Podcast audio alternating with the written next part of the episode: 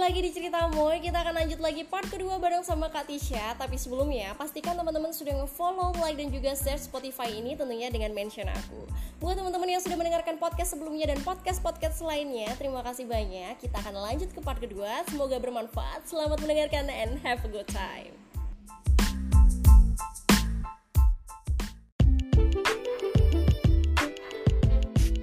beberapa teman ya yang tanya mbak mungkin bisa bagi tips juga ya? Kan ada nih yang pengen mulai usaha tapi takut karena nggak ada modal. Modalnya besar banget. Terus pengen mulai usaha tapi nggak berani karena nanti nggak ada yang beli. Hmm. misal padahal sebenarnya kalau lihat dari ceritanya mbak Tisha yang ternyata pemalu nawarinnya cuma lewat status WA dan ternyata ada pembeli sebenarnya itu bukan halangan kan ya mbak? Hmm. mungkin bisa dibagi tipsnya mbak?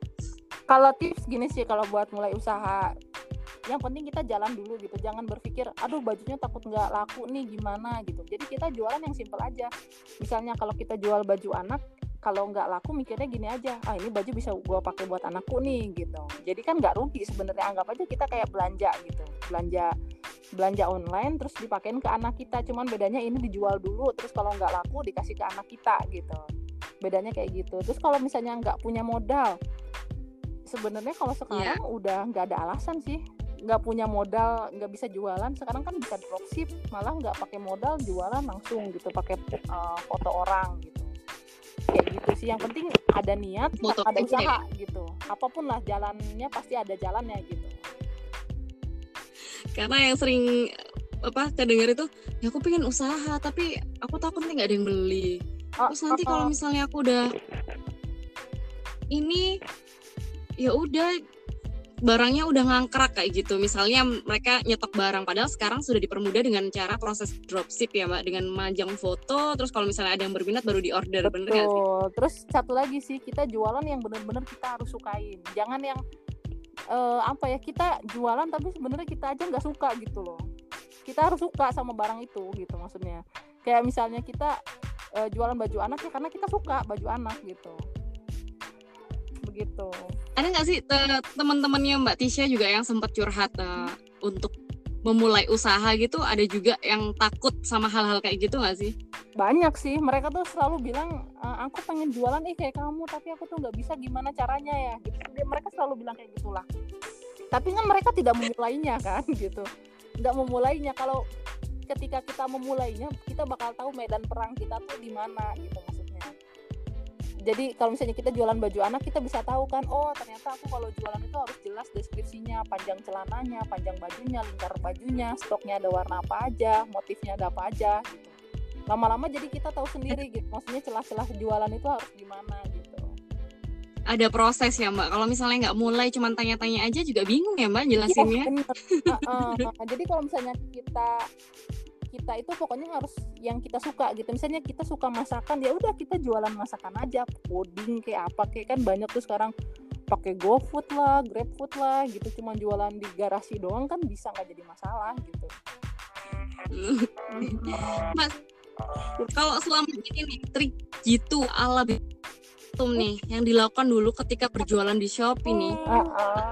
Yang paling penting, poin paling penting yang perlu diperhatikan untuk berjualan di marketplace poin paling penting itu foto menurut aku. Foto itu harus menarik pokoknya. Sama deskripsi udah itu aja sih. Kalau masalah harga uh, itu relatif karena tidak semua konsumen suka harga murah. Dan tidak semua konsumen suka harga mahal. Jadi kita tentukan juga pangsa pasar kita tuh pengennya seperti apa. Tapi yang paling penting banget foto harus jelas menarik deskripsinya jelas udah kalau perlu tampilkan foto asli itu tuh fotonya memang bener-bener ready stock gitu nggak nipu kita gitu jualannya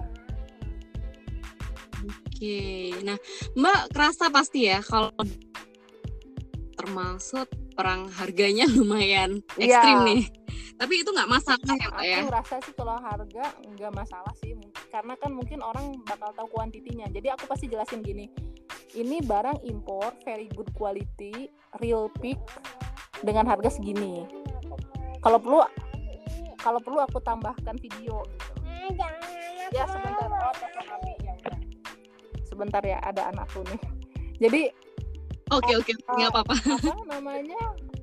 Uh, kita jual jujur gitu maksudnya. Ini fotonya asli real pic impor kita lampirkan videonya harganya segini gitu. Jadi konsumen tuh langsung berpikir oh ini impor harganya memang memang harganya segini gitu. Bukan kualitas abal-abal gitu. Seperti itu. Hal yang mbak rasakan nih ketika sudah memulai usaha di baby kostum ini Mm-mm. bedanya dari sebelum usaha sama sesudah usaha itu yang paling kerasa apa? Selain tadi tujuannya untuk membiayai ART nih? yang kerasa tujuan gara-gara jualan online ini aku jadi resign. Aku jadi resign di pegawai BUMN dulu startnya ikutannya ODP kan. Kalau orang bilang kan masuk ODP katanya susah banget. Tapi akhirnya Iya, benar. demi keluarga juga sih Oh, jadi memang dari awal eh, ini ya sudah memplanning siapa tahu ini usahanya besar, akhirnya ya resign biar bisa deket sama keluarga gitu, Mbak. Iya betul. Aku memang awal kayaknya kan aku nggak memungkinkan kerja terus di BUMN ini karena kan aku lihat juga mutasinya cukup sering. Mau cewek mau cowok eh, penempatannya juga gila-gilaan gitu bisa ke Indonesia Timur tiba-tiba atau paling ujung gitu atau pulau apa. Gitu. Iya. Terus aku berpikir kayaknya nggak Kali ya. karena suamiku juga eh, nomaden dia pindah-pindah terus gitu mau nggak mau aku sebagai istri harus ngalah oh tapi aku pengen tetap punya penghasilan gitu mau nggak mau yang paling cocok sih menurutku online gitu online shop atau harus jadi investor aku mikirnya waktu itu kayak gitu tapi kalau jadi investor kan uangnya harus banyak gitu ah ini udahlah Mm-mm. yang simpel-simpel aja lah online shop aja gitu yang jelas-jelas ya ini aku suka gitu kayak gitu sih Iya tadi Mbak sempat bilang kalau suaminya Mbak akan pindah-pindah ya dan Mbak memutuskan resign biar bisa dekat keluarga, bisa dekat anak juga. Nah, peran suami selama ini Mbak ketika Mbak memulai usaha kan Mbak, Mbak juga Mm-mm. kerja nih. Memulai sampai akhirnya resign ini suami gimana Mbak responnya sama prosesnya Mbak Tisha ini? dia sih selalu support aku ya maksudnya sebenarnya dia juga nggak nyuruh aku jualan gitu maksudnya. Aku diam di rumah aja dia senang tapi jualan juga dia senang gitu maksudnya. Dia tuh bebas lah gitu maksudnya nggak nyuruh nyuruh aku aku harus kerja harus ini bebas lah. Dia selalu support. Tapi pas aku bilang aku mau jualan dia seneng gitu. Ya udah apa yang harus aku bantu? Aku bilang eh ya paling sabtu minggu waktu aku jadi agak berkurang sih karena banyak foto-foto gitu. Tapi menurut dia nggak masalah kalau itu selama masih di rumah gitu. Jadi dia mendukung aku sih Pokoknya di lakukan, gitu. Eh, cuman eh, efek negatifnya rumah jadi berantakan dan banyak stok kan jadinya. Ya rezeki kan ya Mbak? Iya sih, tapi ya jadinya penuh aja rumah gitu. Karena eh, aku mikirkan waktu itu awalnya jualan itu kan cuman ada stoknya itu cuman satu sofa gitu, satu kursi sofa gitu. Terus lama-lama terus lama-lama eh, satu kamar dikosongin buat stok gitu. Terus lama-lama satu kamar gak cukup, dua kamar kosongin jadi stok. Terus lama-lama lantai dua full jadi stok gitu. Bertambah aja terus gitu akhirnya. Ini serius, Mbak? rumah Kamar-kamar gitu itu dibikin tambah tambahin aja terus gitu ya kayak gitu sih sementara sih masih gabung ya antara eh, stok gudang gudang jualan sama rumahku masih masih gabung karena aku merasa wah ini masih ada space nih gitu masih ada kamar kosong juga buat aku tinggal gitu gitu mungkin nanti kalau udah bener-bener full semuanya mungkin- kayaknya aku harus berpikir ada satu rumah khusus untuk jualan aja gitu atau mungkin rumah samping dijual ya Mbak ya. Jadi bisa sampingnya dipakai. gitu ya soalnya sekarang masih kontrakin Luar gitu. biasa loh. Mbak Tisha dulu tuh sebelum Ju ini kan Mbak Tisha juga punya usaha kan dari apa rumah karikatur ya kalau nggak Ah, salah ya. Aku sempat punya usaha juga rumah karikatur. Sama properti betul.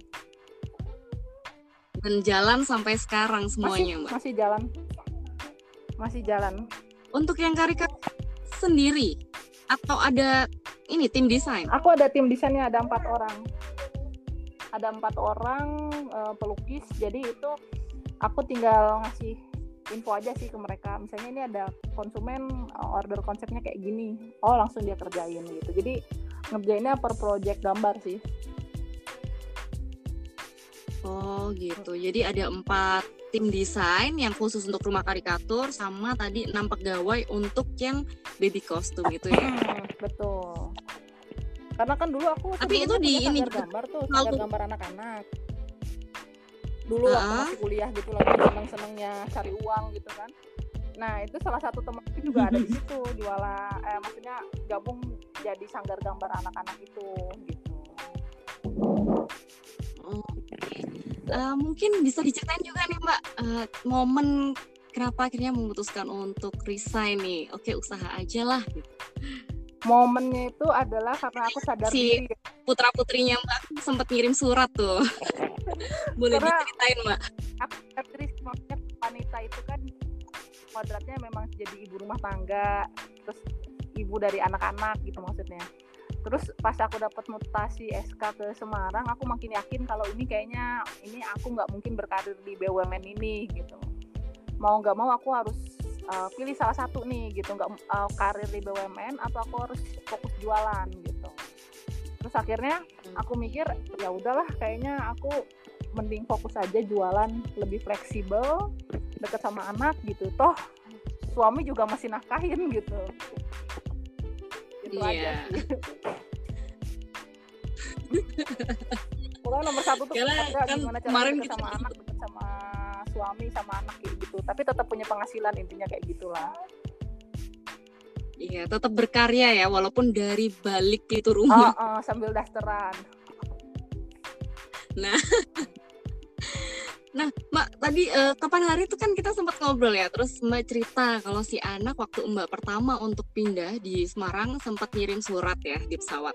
iya jadi dia itu Mungkin bisa diceritain jadi dia itu bikin surat itu di rumah kayaknya mungkin sama mbaknya yang di rumah kan aku kan pulang Jadi nggak tahu Ah, ah, Iya. jadi kan aku pulang itu tiap hari dari Semarang pulang hari Jumat sore tuh Eh, pulang Mm. terus kemudian nyam, eh, hari Senin subuh aku pesawat jam 6 gitu aku dari Jakarta udah balik lagi ke Semarang mungkin kan anakku tuh punya waktu cuman Jumat Sabtu Minggu gitu waktunya cepat lah intinya Iya. gitu terus aku kaget terus tiba-tiba eh, Mbak tuh bilang Auf mau bikin surat buat eh, Ami dia manggilnya ke aku tuh Ami kan.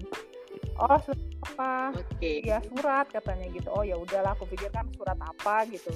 Udah terus pas hari minggu malamnya itu anakku tuh nyelipin dua amplop.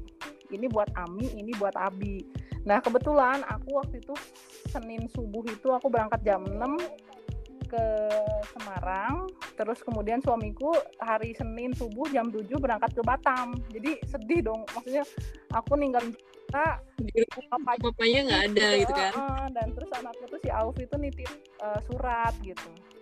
Terus pas nitip surat aku kasih lah ke Abi satu ke aku satu gitu.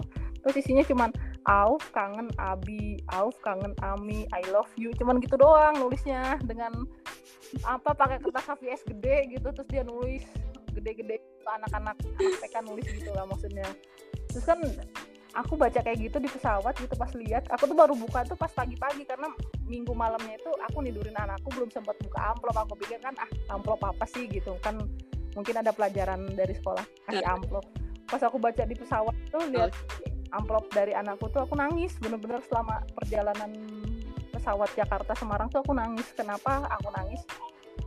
Hmm. aku nangis karena aku tuh mikir ya ya Allah itu udah baik banget sama aku gitu ngasih dua orang anak cewek cowok gitu udah lengkap pula gitu maksudnya.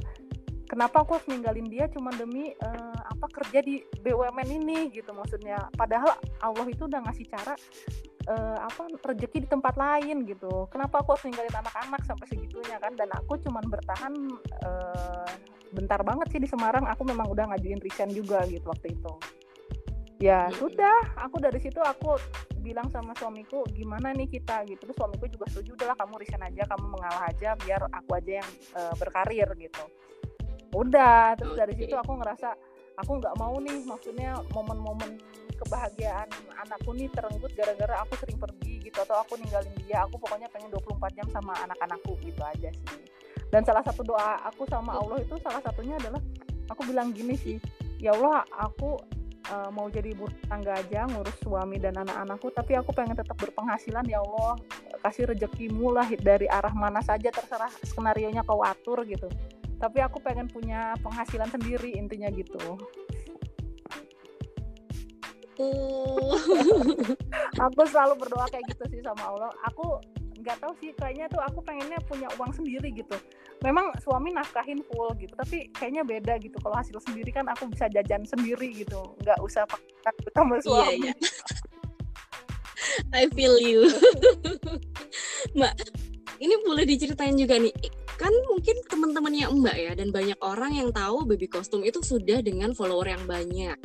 Udah pem- taunya setiap hari ada penjualan ratusan. Tapi kan di belakang itu selain ikhtiarnya Mbak mungkin ikut seminar, terus nge-manage eh, pegawainya Mbak, ikhtiar apa lagi sih yang Mbak upayakan selain apa ya? Yang real lah. yang re- aku pasti selalu eh, pertama aku pasti selalu belajar ya aku nggak ngerasa misalnya wah akunku udah bes udah besar nih udah banyak nih gitu maksudnya.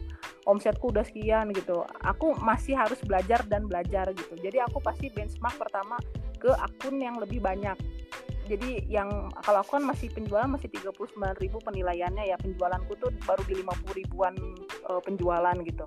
Aku pasti pertama benchmark ke akun yang uh, followersnya jauh lebih banyak dari aku dan penjualannya lebih banyak. Ada yang sampai satu juta 2 juta penjualan gitu. Aku pasti benchmark ke akun-akun kayak gitu. Aku lihat produknya uh, bestsellernya seperti apa gitu.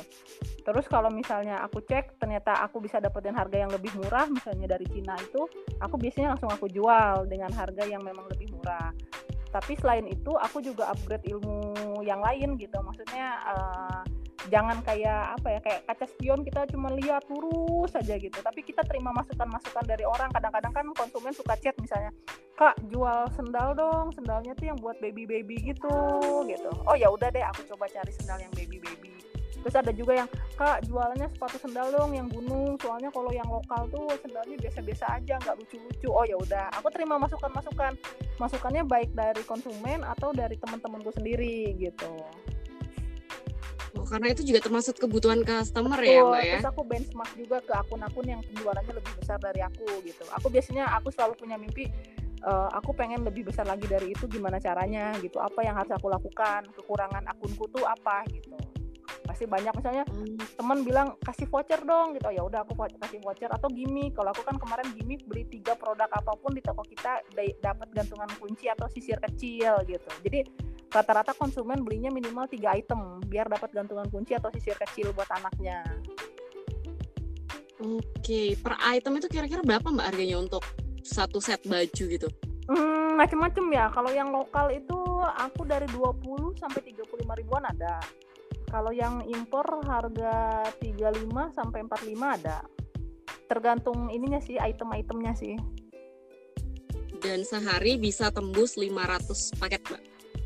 Ah, ada rata-rata kalau harian 200 sampai 300 paket sih kalau harian. Tapi kalau misalnya tanggal-tanggal cantik gitu Tertentu gitu ya. Ah, ah, kan kayak Shopee suka ngadain sale gitu atau Harbolnas gitu tanggal 77, 88 itu bisa tembus seribu sih seribuan heeh, sehari itu orderannya Wow, kalau lagi rame bang Ada ini ya, ada jampi-jampi doa nih Mbak. Mungkin bisa di yang sem- Ah. mungkin Mbak kemarin juga Mbak cerita kalau Mbak juga rajin mengerjakan sunnah. Mungkin bisa di-share juga Mbak siapa tahu nih teman-teman juga pingin ah. kan bisa amazing baby custom Mbak. kalau aku sih aku selalu eh, doanya aku cuman gini ya Allah aku pengen punya bisnis yang bermanfaat untuk orang lain gitu maksudnya supaya lebih barokah rezeki itu rezekiku tuh lebih barokah gitu. terus eh, margin keuntungan dari eh, baby kostum ini eh, nggak langsung aku eh, pakai buat eh, senang-senang. Biasanya aku eh, sisihkan sebagian buat upgrade ilmu buat iklan buat Jumat barokah. Terus sisanya eh, eh, gaji pegawai enam orang itu sama baru profit itu aku simpan gitu. Tapi memang ada ada ada slot tersendiri buat sedekah sih. Buat sedekah sama buat iklan sama upgrade ilmu karena kayak misalnya seminar-seminar itu kalau yang ilmunya daging banget itu pasti bayar Iya pasti lah. ya. gitu itu itu pasti aku ikut sih gitu entah aku atau adekku pasti Oh sampai detik ini ternyata memang harus terus ngisi gelas ya Mbak ya, mengosongkan gelas diisi, Pasti, ngosongin gelas pasti diisi. karena aku pun dulu kan uh, meskipun sudah star seller tapi penjualanku tuh nggak banyak gitu. Mungkin sebulan cuma 200 atau 300 paket misalnya. Meskipun kategori star seller tapi kayaknya nggak nendang gitu. Kalau paket terjual cuma segitu sebulan gitu. Terus aku pikir apa kekurangannya? Oh ternyata aku nggak pernah bales chat. Chatku tuh turun banget. Cuma sekitar 70% lah nilainya tuh di Shopee itu. Karena kayak gitu akhirnya aku aku iya. tersendiri untuk buat bayar chatting. Buat dia kerjanya maksudnya hanya balasin chatting dan tidak boleh marah sama konsumen harus selalu tersenyum. Misalnya oke okay, kak Say siap kakak. Baik kakak. Aku udah bilang sama mereka nggak boleh marah kalaupun dikomplain atau dikata-katain apa pun gitu harus baik gitu. Nah itu salah satu dari upgrade ilmu juga sih aku ikut salah satu seminar bahwa customer service itu mempengaruhi penjualan. Oke kalau kayak gitu aku coba deh hire satu customer service khusus buat balas chat gitu. And it it works naik penjualannya karena logika aja sih. Kita kan emak-emak misalnya mau jual nih eh mau beli nih misalnya beli apa ya beli kos kaki buat anak bisa. Dia kan kita selalu nanya yeah. atau kak. ini ukuran umur satu tahun cukup nggak? Terus nggak ada jawabannya dari toko. Kita jadi beli nggak? Kemungkinan enggak kan? Enggak. tapi kalau jawabannya oh ya, silahkan diukur dulu panjang kaki anaknya kak. E, karena ini kaki kakinya meral kemungkinan ini cukup kasai oh ini ramah nih. Oh yaudahlah gue beli gitu bisa dikirim hari ini nggak? Bisa sebelum jam 3 sore pasti dikirim pada hari yang sama. Oh langsung kan check out kita kan?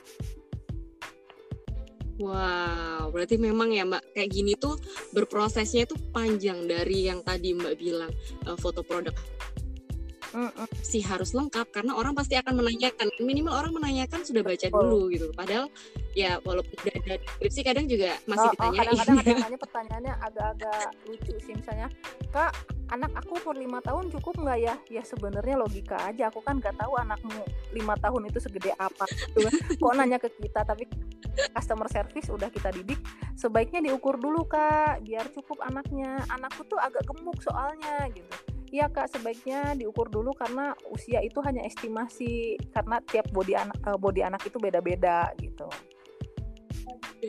Untung punya solusi dengan menghadirkan customer service khusus untuk ngejawabin uh, chat uh, dan dari aku pelanggan. Dan aku nggak boleh marah harus ramah. Pakai kasai, siap kakak gitu, baik kakak, terima kasih, pokoknya kayak gitu gitulah. Alamin dikomplain sama customer? Pasti dong, ada itu kebetulan Mbak yang handle sendiri atau sudah dipegang sama CS? Ada CS-nya, tapi kalau yang memang udah uh, kasusnya di luar SOP kita, pasti aku selesaikan sendiri. Ada case kayak gini ya. Kemarin itu dia tuh pesen 10 masker anak nih. 10 tuh banyak dong. Mm -hmm. Terus yeah. Iya. uh, untungnya konsumen konsumen itu komplain maskernya 10 biji itu tidak ada di dalam paket terus dia kirim videonya juga bahwa paket itu masih tersegel di press gitu maksudnya. Kan kalau kita packingnya dipakai press ya pakai alat press lagi udah nggak pakai lakban gitu kan. Untuk menghindari mm-hmm. bahwa barang itu nggak dicongkel sama pihak luar gitu maksudnya.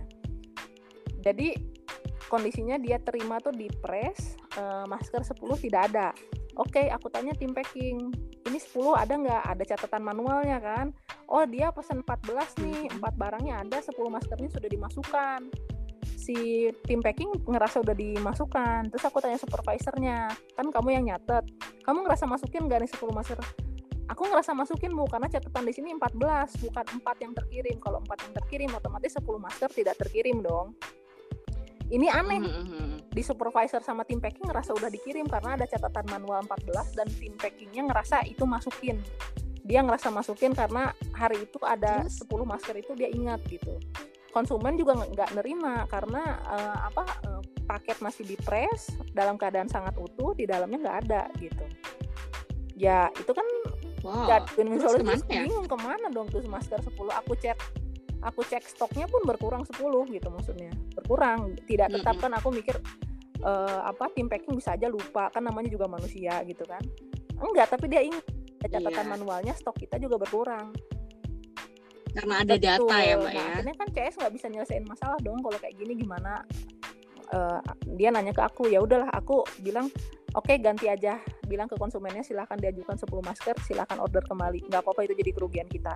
Yang penting nomor satu kepercayaan konsumen. Dia bisa order lagi ke gitu. Maksudnya jangan bikin Oh. kecewa Wow, walaupun entah itu Walau ke mana, alam. pokoknya u- hal usaha. Iya, walau alam ya. Ya, Pokoknya iyalah. bikin customer ya itu salah satu apa ya ya salah satu eh, komplain yang dikomplain sama konsumen juga sih salah satu masalah yang kita hadapi kayak gitu sih dulu dulu kan aku kalau packing masih pakai lakban kan aku berpikir kalau barang hilang Iya. oh mungkin dicongkel pihak luar misalnya gitu kan aku jadi suzon dong gitu Mm-mm. maksudnya atau malah wah konsumennya nggak jujur nih gitu tapi kan aku mikir konsumen masa sih nggak jujur kalau cuma satu biji doang gitu kan jadinya kan malah suzon Iya. ah ya sudahlah kita bikin aturan semua barang harus di packing pakai press gitu dipresin gitu biar tahu konsumen kalau diterima itu barang dalam keadaan masih utuh tidak tidak dicongkel-congkel atau tidak rusak gitu maksudnya Oke, berarti sudah diantisipasi juga ya, Mbak, Betul. dengan Heeh. di Tapi Bungkus sejauh ini masalahnya sih komplain jarang sih. Paling ya kalau komplain minta retur size misalnya. Itu kan udah kita jelasin juga nggak bisa retur size. Sebelum beli sebaiknya diukur dulu gitu. Kayak gitu-gitu sih. Sisanya masih normal. lebih fleksibel ya, Mbak betul. ya. Ya sih, emang itu juga bikin customer jadi senang dan pasti akan kembali lagi Betul. karena yang penting kan di penjualan itu bukan hanya sekali penjualan tapi ada repeat order lagi dari orang Betul, yang kalau sama. perlu kita print kartu nama, kita bikin kartu nama tuh 20.000 biji, 20 pack berarti kan satu pack itu 100 100 satu pack itu isinya 100 kartu nama kan. Setiap paket kita Iya, masukin kartu nama supaya dia repeat order lagi ke kita. Jadi dia inget jadi top of mind oh iya aku mau beli baju sama sendal ke tempat kita. Oh, jadi kalau pun tidak melalui marketplace ya tahu ya, oh di sini ada Instagramnya, di sini iya. ada atau dia ketika dia nanti mau order lagi dia inget oh ya aku waktu itu pernah dikirimin kartu nama gitu. Keren, keren, keren. Ini termasuk tips untuk handling customer. Iya memang tapi agak costly Yang- juga ya kita kan kita kasih gantungan kunci atau sisir misalnya terus kita kasih kartu nama juga gitu. Ya memang agak costly tapi ya itu bagian dari marketing juga. Iya bener deh. Kalau misalnya kita aja ya nama barang di luar orderan kita, entah itu gantungan atau apa, itu tuh walaupun itu kecil atau lumayan seneng banget emang. Iya banget dan mempengaruhi bin pemberian Paketan, bintang. terus ada Orang jadinya rata-rata ngasih bintang 5 kan. Iya. kan ada bonusnya ya mbak ya. Nah, ini nih ini tips biar dapat bintang 5 Iya, sebanyak-banyak. pokoknya maksudnya kita juga jadi penjual ya jangan pelit-pelit banget lah gitu maksudnya. Selain marginnya kita atur juga ya kita ngasih bonus lah gitu buat konsumen biar dia seneng dikit lagi. Aduh, mungkin banyak yang nggak menyangka kalau pemberian itu kita biasanya kan ngas eh, dikasih ya karena kita pembeli. Tapi kalau misalnya kita jadi penjual, mungkin kita lupa sama hal kecil kayak gitu bahwa gift sekecil apa pun itu bermakna. Iya loh. betul. Kayak gitu. Mbak bisa nih bagi tips buat mungkin teman-teman yang mau memulai usaha, terus para ibu rumah tangga yang pingin juga, tapi entah itu ngerasanya, aduh aku udah umur segini, aku gimana cara jualannya, aku nggak tahu tuh Shopee dan kawan-kawan kayak gitu. Bagi semangatnya Mbak, biar sadar semua nih, oke ini mau umur berapapun tuh masih punya kesempatan Iya. yang sama. gitu. Eh, aku cuman pengen share aja sih maksudnya eh berbisnis atau berjualan, berdagang itu tidak ada kata terlambat. Usia berapapun kita bisa mulai. Kalau yang jadi masalah adalah kalau kita tidak mulai-mulai karena kita nggak pernah tahu medannya di mana gitu. Terus kalau nanti udah bisnis, kita jangan langsung berpikir oh ini langsung profit nih, dapat segini, dapat segini.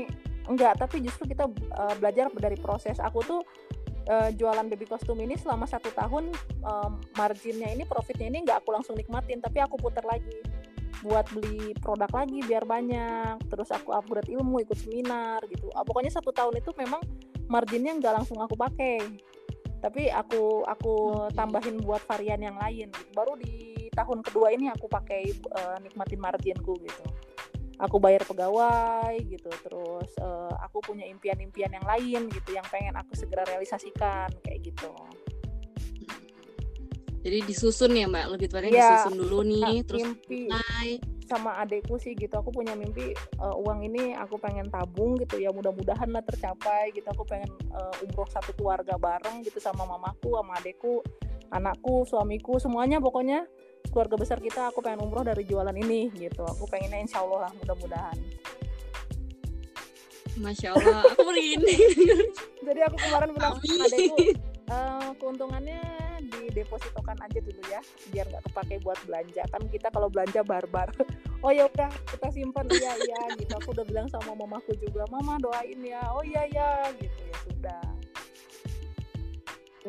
Memang harus disiplin ya Mbak, mengatur waktu, terus memisahkan rekening eh, harian dan rekening online Pasti, shop ya. bahkan itu harus rekening khusus. Karena kan itu masuk keluar masuk keluar Mbak, kita kan ngatur iya keuangan nih. kita kan eh, apa namanya di Shopee itu kan bisa cairin uang kan misalnya penjualan kita katakanlah udah 10 juta nih hari ini misalnya. 10 jutanya bisa dicairkan kan. Nah itu tuh rekeningnya harus rekening khusus karena uang masuk uang keluar tuh cepet banget. Misalnya kita beli baju eh, ke konveksi berapa ribu piece misalnya totalnya bayar gitu kan. Terus tiba-tiba hari ini masuk lagi dari Shopee penjual apa hasil dari penjualan. 10 juta 10 juta 10 juta misalnya. Ada 30 juta. Kalau digabung sama uang sendiri kan bisa amburadul semuanya. Nggak kerasa pakai uang ke pasar dulu lah bayar listrik lah bayar ini bayar tau boncos deh. Buat belanja lagi barang nggak ada gitu aku aku selalu ada laporan keuangan tiap bulan. Eh, pengeluaran pemasukan margin berapa itu yang ngurus adekku sih. Aku lebih ke marketingnya. Adekku pembukuannya. Oke, jadi tahu ya, ini uangnya masuk segini di akhir bulan selalu ada betul perhitungan ya. seperti itu. Bahkan aku sampai evaluasi iklan juga sih. Dengan iklan 100.000 ribu ini kira-kira penjualannya berapa? Eh, untung atau boncos gitu. Oh, Oke, iklan di Shopee ya maksudnya, Mbak? iklan. Yang per klik itu.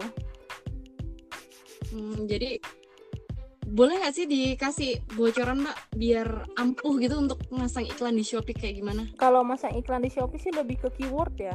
Keywordnya harus pas sama balik lagi sama foto. Foto harus menarik. Itu aja sih menurut aku Kalau nominalnya bebas. nominalnya bebas? aku biasanya satu produk itu yang 100 atau 200 ribu sih maksimal. Aku kasih batas maksimal biar nggak boncos. Terus biasanya aku evaluasi eh ini laku berapa nih kalau dengan iklan segini gitu. Aku evaluasi dulu gitu. Oke, dan itu berapa hari Mbak iklan untuk 200 ribu? Per hari atau dibatasi cuma seminggu atau rutin setiap bulan ada ada? tiap bulan ada. Untuk beberapa produk unggulan kita pasti aku iklanin sih jadi sebetulnya kan orang kadang-kadang lihat iklan ah lihat dulu ternyata dia malah pengennya produk yang lain sebenarnya itu buat eh, mancing sih biar bisa ke toko kita Eh, dia minimal visit lah ke ke toko kita gitu Undang traffic Oh. ya buat ngelihat produk-produk gitu. kayak gitu Tapi nggak dibatasin ya Mbak? Misal eh, kayaknya iklan itu efektifnya selama seminggu dipasang atau gimana gitu? Nggak enggak sih aku per nominal aku aku batasinnya per nominal satu produk itu bukan per harinya jadi kalau nominalnya cepet habis berarti banyak orang yang ngaku produk itu Oke.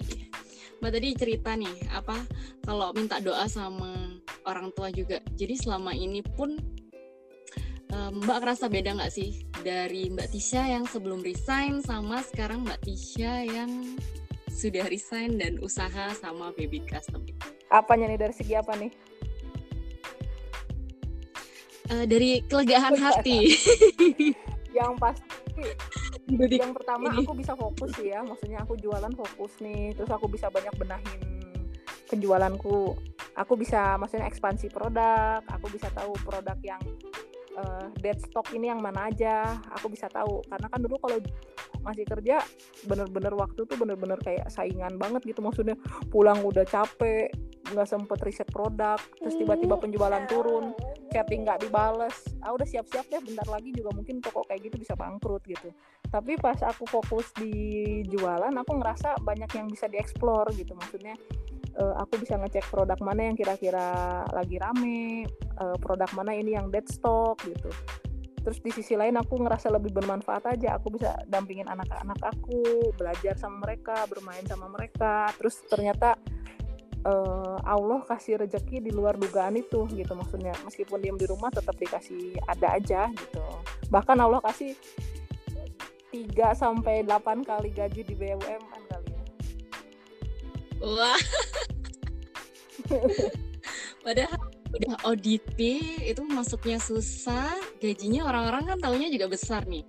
Ternyata alhamdulillah dikasih jalan sama Lebih Allah lipat. online yang tiga kali lipat lebih besar ya mbak ya. Mm-mm. lebih malah kemarin tuh lebaran itu aku bersyukur banget deh alhamdulillah deh makanya aku bisa ngasih THR juga ke pegawai Ang- a- yang lain kan pembatasan pegawai aku malah, malah masih bisa ngasih THR ngasih uang jajan mereka nambah pegawai habis lebaran gitu ya buat ekspansi juga biar servisnya lebih oke sih. Makanya masih banyak pembenahan diri sih di sini makin harus diperbaiki lagi biar lebih oke gitu. Ya alhamdulillah ya mbak. Nggak eh, nggak kerasa kayak gini tuh juga bisa ngebantu pegawainya mbak karena ya alhamdulillah mereka masih ada pemasukan setiap bulan karena kemarin corona kan banyak juga kita Mm-mm, tahu. kayak gitu dan mulai banyak lagi tapi ya alhamdulillah bisa bermanfaat betul juga ya uh, dan orang. aku masih tetap diem di rumah gitu maksudnya nggak ke mana-mana. Kan kalau dulu kita kerja eh, pagi-pagi kita harus mikirin bajunya apa nih biar matching biar serasi. Terus pagi-pagi kita udah berangkat transportnya aja udah berapa kan? Terus makan siang kalau nggak sempet sarapan eh, mak- eh sorry kalau belum sarapan berarti beli sarapan dulu terus makan siang terus sorenya kalau lapar ngemil-ngemil. Itu costly banget kan biayanya berapa? Nah Mm-mm. semenjak aku diem di Iya. rumah eh, aku nggak usah ngeluarin transport malah cuma nganterin anakku doang gitu. Makan siang aku bareng sama yang kerja di sini makan bareng kita satu menu satu menu semua gitu. Terus ke pasar tiap hari Sabtu eh, biasanya dirembuk mau masak apa aja nih Senin sampai Jumatnya gitu lebih irit sih gitu. Sore-sore aku udah mandi gitu. Maksudnya udah oke azan sholat gitu. Pokoknya lebih santai sih lebih menikmati hidup gitu. Is- nggak kayak kemarin di tur- apa ada target ya apalagi akhir bulan kan. Betul target akhir belum bulan. berumurnya terus sih. kalau makan kan kita juga keluarin biaya makan biaya transport. Apalagi dulu aku naik KRL uh udah kayak ikan asin kan nempel-nempel pulang jam kerja kan gitu kalau sekarang makan ya tinggal makan tinggal masak di dapur gitu ada kegiatan sih gitu. Siap. Iya, nggak nyangka ya dari baju bayi yang harganya 20 ribuan bahkan ada yang bisa 17.900 dapat aku jual tuh baju tuh Selain bayi oh 17 ribu Ah. semakin murah ya ampun bayi umur satu tahunan gitulah. Dari 17.900 bisa menikmati hidup dengan rejeki tiga kali lipat dari gaji di BUMN pasti banyak yang pingin juga nih ya alhamdulillah Tapi tentunya dengan proses yang tadi sudah diceritakan sama Mbak Tisha ya. Sebenarnya kalau orang taunya sekarang Mbak Tisha ya sudah nyaman. Padahal Oh satu lagi, aku malah bisa lunasin utangku juga. wow. ya dari hasil jual online juga makanya mungkin jualan online ini memang merubah hidup aku sih gitu. Aku sekarang udah nggak punya utang lagi. Eh, rumah nggak punya cicilan, mobil-mobil sendiri nggak punya cicilan. Ya akhir bulan aku kalau makan ya makan seadanya aja. Ya lebih enteng sih, nggak punya nggak punya beban lagi untuk bayar utang gitu. Udah plong lah ya pokoknya. Iya. Nah, buat teman-teman kalau misalnya mau belajar nih dari 17.900 yang bisa bikin hidup lebih tenang karena nggak nyangka kan bisa dapat tiga kali lipat gaji di BUMN loh. Pokoknya rutin juga rajin. Itu bisa langsung follow Instagramnya at debikos. Di bener ya mbak ya itu Iya. Instagramnya. Mm, Bekostum.id. Jangan lupa langsung intip juga Shopee-nya karena di Shopee-nya lagi ada diskon mbak hari ini. Aku ada Ada yang apa sampai nih? Best seller aku tuh ada jualan piyama. Aku lihat hari ini penjualannya 1600 per bulan. Penjualan piyama. Ada testimoni juga mbak dari reseller mungkin atau apa? Gimana? customer? Ada testimoni juga dari reseller atau customer yang sudah bekerja sama sama babycostumes.id kalau testimoni sih aku yang di Shopee ada penilaiannya ya. Itu kan bisa dicek tuh eh, eh, testimoninya di sana semuanya real ya. Betul, kalau itu. Jadi kita nggak ada bohong-bohongan produk segala macam itu memang udah real di situ. Oke nggak kerasa udah satu jam lebih ditemenin mbak Ya. Tisha bahas tentang betapa nikmatnya bekerja di balik pintu kamar dengan dasteran ya semoga aja tetangga nggak curiga ya kalau aku lagi ternak tuyul online gitu ya. Nggak pernah keluar nggak pernah bekerja depan doang gitu. Tiba-tiba lunasin utang. Keren keren keren. Ini boleh disebut ya sih? Eh, sudah bisa melunasi hutang sejumlah apa itu boleh nggak nih? Atau rahasia aja? Ya aku waktu itu punya utang sekitar 730 Oke guys, 73 dan upayanya Mbak Tisha di tahun 2018 bahkan di tahun-tahun sebelumnya udah usaha. Alhamdulillah 2020 ya Mbak. Selesai pas di bulan apa? bulan Februari awal. Lunasin semuanya. Bulan Februari apa? 2020 Oke 2020 Februari jadi momen bersejarahnya Mbak Tisha karena Alhamdulillah semuanya sudah selesai tinggal hidup apa adanya ya. Mbak ya? hidup sederhana aja. Sederhana yang penting tenang mau ke mana-mana ada lah ya Iya, cukup mau belanja cukup Nah, jalan-jalan cukup. Iya bahkan Allah kasih dari rezeki yang lebih lebih lagi kayaknya. Oh, Allah tuh mau tarik deket soalnya ya sama keluarga sama suami. aja lah sama Allah pasti insya Allah dikabulkan kayak gitu. Pokoknya ngikutin step-stepnya Mbak Tisha coba deh tadi yang udah kita obrolin dari yang step pertama, habis gitu berdoa. Pokoknya kalau berdoa sama Allah spesifik ya Mbak, kayak Mbak tadi. Pasti dikabulin Allah. Mbak Tisha terima kasih banyak gak kerasa udah satu jam lebih udah berbagi sama kita. Iya. Semoga baby kostum semakin lancar, semakin sukses, juga semakin laris manis Amin. siapa tahu nanti kita bisa ketemu terus ngobrol lagi gimana sih menikmati jadi Mbak Tisha yang sekarang? Iya siap salam buat keluarga salam buat suami sama putra putrinya Mbak Tisha. Baik. semangat Mbak Tisha.